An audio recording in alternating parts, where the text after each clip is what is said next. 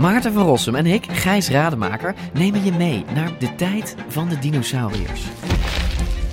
Ja, jij vindt het gemene beesten Het gewoon eigenlijk. gemene beesten. Ja, Kijk, kijk naar ze. Beesten zijn niet gemeen. We zijn het eigenlijk nooit eens. Maar T-Rex is toch veel sexier. Nee, ik vind de kakkerlak net zo sexy als T-Rex. Ja, ik zie dat je daar moeite mee hebt. Voor iedereen die vroeger al van dino's hield en nu nog steeds een beetje, luister naar DinoCast.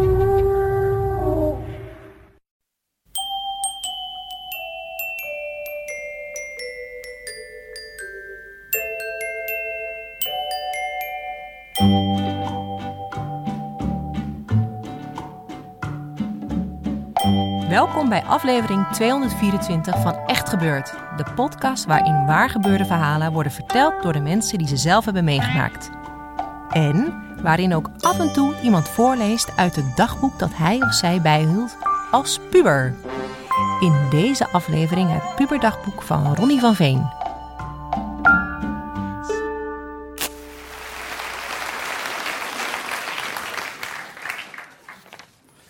6 december 1990. Ik ben dan 12 jaar. Bij ons in de klas zitten natuurlijk ook meisjes. Ik zeg altijd dat het maar trutten zijn, maar één daarvan is een beetje aardiger. Lieselotte. Vincent zegt nu altijd tegen haar diarreebrilletje, terwijl we samen in groep 6 verkering hebben gehad met haar. En een vriendinnetje van haar, Evelien. Maar Evelien, nou, Evelien, dat is nu ook zo'n trut. Ik ben op dit moment helemaal niet verliefd.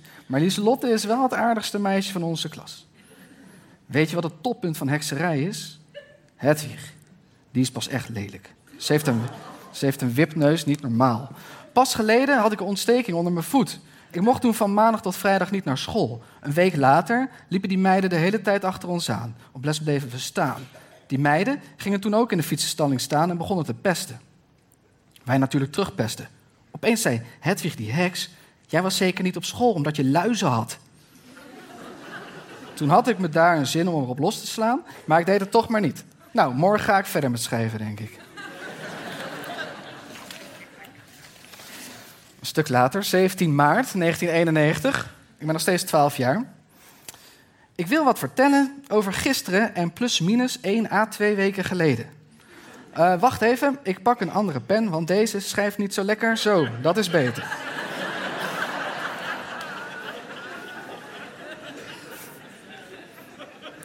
Twee weken geleden ging Jurgen naar de sporthal met Vincent. Dat heb ik gehoord.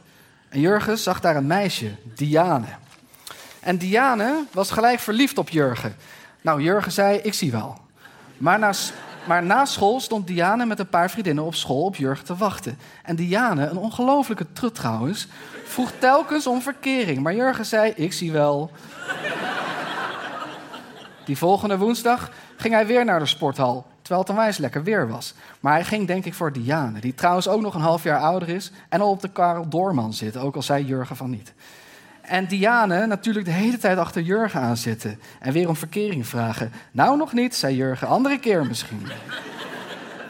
Vincent, die bij mij speelde, kon niet begrijpen waarom hij met zo'n trut kon gaan. Ze was ontzettend lelijk, maar Jurgen zei iedere keer van ja, maar ze is wel aardig. En gisteren kwam Vincent mij ophalen voor de voetbal. En toen we naar Jurgen gingen, hoorden we onderweg naar de voetbal fietsend dat Diane kwam kijken met haar vriendin. Vincent en ik vonden dat niet zo erg leuk. En wij maar vragen of hij al verkering had. Nee, nog niet. Nooit doen, zeiden Vincent en ik. Op blauw-zwart aangekomen waren ze er nog niet.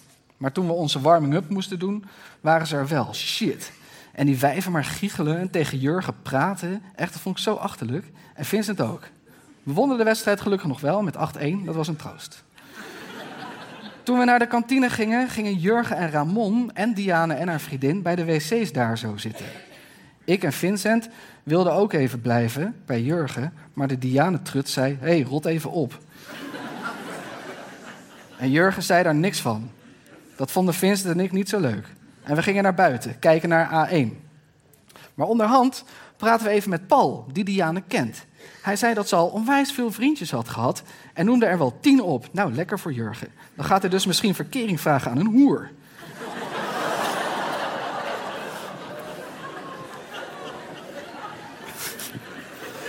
En toen, Sorry. En toen deed Ramon daar zo bij een raampje dat ze iets aan het doen waren. Vincent en ik gingen kijken, maar ze waren alleen maar aan het praten.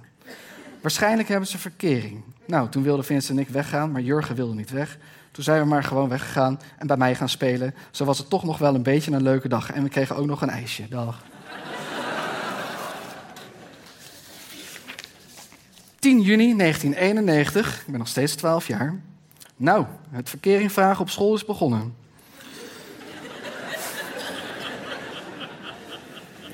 Het begon met Joost en Isabella, maar Joost maakte het uit. Mark van Wijk wilde verkering met Isabella. Een dag later zei Isabella ja. Diezelfde dag Lucinda met Jurgen. Lucinda maakte het na een uurtje of twee alweer uit. Want, want ze is eigenlijk op Ivo. Dan vraagt Michiel het aan Lieselotte en ze doen het. Wij dachten, nou, die zullen het wel lang volhouden. Mooi niet, de volgende dag was het alweer uit. Ik hoorde van Judith dat ze verkering wilde met mij, maar dat deed ik niet. Ik zat even te rekenen. Er zijn tien meisjes in onze klas. Andrea valt af, net zoals Jolanda, Mirjam en Isabella en Judith. Nou, dan blijven er nog vijf meisjes over. Evelien, Hedwig, Marjolein, Lieselotte en Lucinda. Lucinda had het nog met Jurgen en Lieselotte ging nog met Michiel, nog drie over. Evelien vond ik op les toch maar niks en Marjolein ook niet. Hedwig nog over. Die deed de laatste tijd heel aardig tegen mij. En ik had verwacht dat ze het aan mij zou vragen. En in het speelkwartier vroeg ze het ook. En ik zei ja, want ik kon niet achterblijven. Vincent kon dat ook niet en vroeg aan Mirjam. En ja, ze deed het, maar na een uurtje was het alweer uit. Marcel had het met Jolanda, nu ook uit. Marjolein vroeg het nog aan Jurgen. En Jurgen zei ja, maar dat was ook supersnel uit. Nu zijn Isabella en Mark en Hedwig en ik alleen nog maar over. Het is maandag 10 juni en het is 11 uur 21.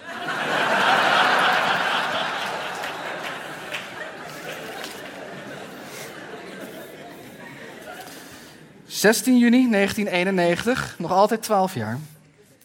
We zijn amper nog een week verder en ik heb al iets fantastisch te vertellen. Eergisteravond was een avond om nooit te vergeten. Nu is het zondag, toen was het dus vrijdag. Ik ging om, ik ging om kwart over zeven s'avonds naar Vincent toe met mijn spijkerbroek, een wit t-shirt met daarover een lichte spijkerblouse. En ik had mijn Nike Air aan en in mijn haar zat een pot gel. Toen ik bij Vincent aankwam, was zijn moeder naar de gym. Maurice, de broer van Vincent, was met zijn brommer aan het klooien. Een paar minuten later kwam Jurgen eraan en met z'n drieën gingen we naar het feestje, de bij-bij-disco van Michiel. Sommige kinderen waren er nog niet, sommige dus wel.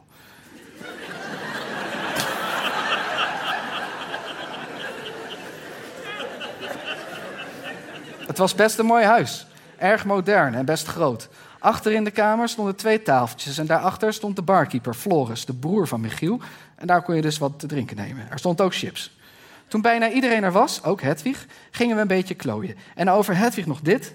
Ik heb er nog steeds verkering mee en ze is onwijs aardig. En ook Mark en Isabella, daartussen is het nog steeds aan. Die middag op school vroeg Marjolein nog of ik op Hedwig was. Ja, zei ik, maar dat is wat minder belangrijk. Iedereen was er, dus, en we waren nog een beetje aan het klooien. Iedereen dacht dat er van slooien niks zou komen. Maar er kwam slow muziek. En Evelien begon, een beetje te slowen. Ik weet niet precies hoe je het schrijft, maar ik bedoel slowen. Ze slowde, ze slowde met iedereen en ik kwam ook aan de beurt. Eerst begreep ik het niet, maar langzamerhand kreeg ik het door. En volgens Evelien zou en moest ik met Hedwig slowen. Oké, zei zijn zin. In het begin zat er een heel, heel stuk tussen ons in. Maar dat werd na elke dans wat minder. En na vijf à zeven keer dansen zaten we tegen elkaar aan. Het was niet te geloven dat ik nu voor het eerst eigenlijk een meisje echt aanraakte. En Vincent maar gebaar maken van het gaat prima. en, dat, en dat ging het ook. Hedwig had haar armen helemaal om mijn hals gelegd. En ik had mijn armen helemaal om haar rug. Vincent danste een hele tijd met Lucinda. Ik danste natuurlijk niet alleen met Hedwig, maar wel het allermeest. Maar ook met alle andere kinderen uit de klas. Behalve Isabella. Vincent en ik relden wel eens, dus dan ging ik met Lucinda en Vincent met Hedwig. Eigenlijk dansten we een beetje met z'n vieren. Maar ik heb ook met Marjolein een paar keer gedanst. En op een keer vertelde ze, terwijl we aan het slowen waren, wat Hedwig tegen haar had gezegd over mij. Ze zei volgens Marjolein, ik vind het zo'n lievertje. Dat vond ik erg leuk. Ik mocht het aan niemand vertellen en dat doe ik ook niet. Dit was de avond van mijn leven, denk ik. ja. En een heel stuk later, of nou ja, ruim een jaar later, 28 augustus 1992, dan ben ik 13 jaar. Hallo, ik ben nu al naar school geweest. Ik zit dus in 2VA met Latijn. Daar zit ook een meisje, Aafke. In de brugklas vond ik haar, toen ik haar wel eens zag, best knap. Het is een best wel leuke klas, alleen moet je even aan elkaar wennen. Woensdag was de eerste dag, niets leuks op school beleefd. Donderdag was interessanter, want na de grote pauze vond ik dit briefje in mijn tas. En dat briefje had ik ook ingeplakt. Dat is Mickey Mouse. Lieve Ronnie, toen ik in de klas kwam, vielen jouw blauwe ogen mij meteen op. En sindsdien kon ik mijn ogen niet meer van je afhouden. Wil je alsjeblieft verkering met mij? Ik heet Aafke en zit vooraan naast Marjolein. Als je nee zegt, wil je het dan aan niemand vertellen? I love you, Aafke. PS, je bent gelukkig mijn maat. Tweede keer PS, ook al zeg je nee, ik blijf altijd van je houden. Ja. Als je het gelezen hebt, denk je, zo, dat is mooi meegenomen.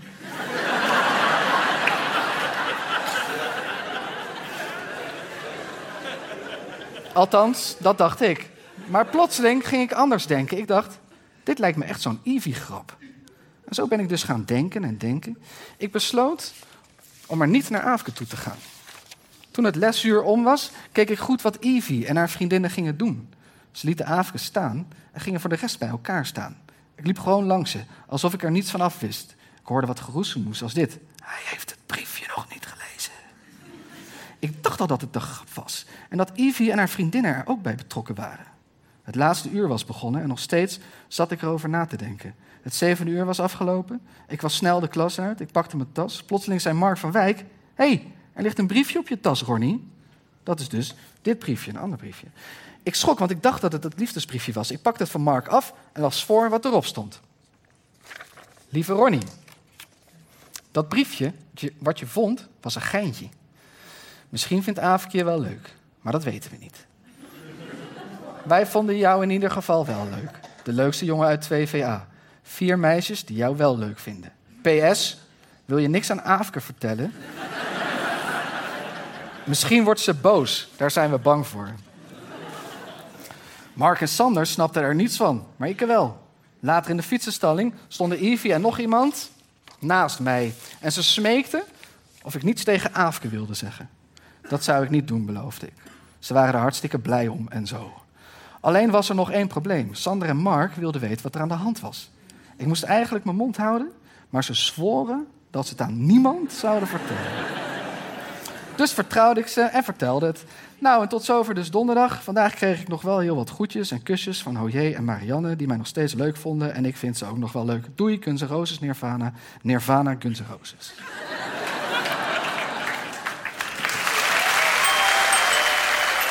Dat was Ronnie van Veen, die voorlas uit zijn puberdagboek. Ronnie werkt nu op de Universiteit Utrecht en is vader van drie kinderen. Vorig jaar verscheen zijn kinderboek Ik wil weg uit dit verhaal. Wij van Echt Gebeurd zijn altijd naarstig op zoek naar mensen die uit hun puberdagboek willen voorlezen tijdens een van onze middagen. Of tijdens een van onze theateravonden. Want in januari komen we met een groepje vertellers naar de theaters in Leiden, Rotterdam, Utrecht, Amsterdam en Groningen. Woon jij in een van die steden en heb jij als puber een dagboek bijgehouden? Laat ons dat dan weten via onze website www.echtgebeurd.net. De redactie van Echt Gebeurd bestaat uit Paulien Cornelissen, Micha Wertheim, Maarten Westerveen en mijzelf, Rosa van Toledo. Onze productie verzorgt Eva Zwaving en de zaaltechniek van deze aflevering deed Nicolaas Vrijman. De podcast is in handen van Gijsbert van der Wal. Dit was aflevering 224. Tot volgende week en vergeet niet: slowen is een moeilijk woord om te schrijven, maar niet zo ingewikkeld om te doen. Na vijf, zes dansen sta je zomaar ineens heel dicht bij elkaar.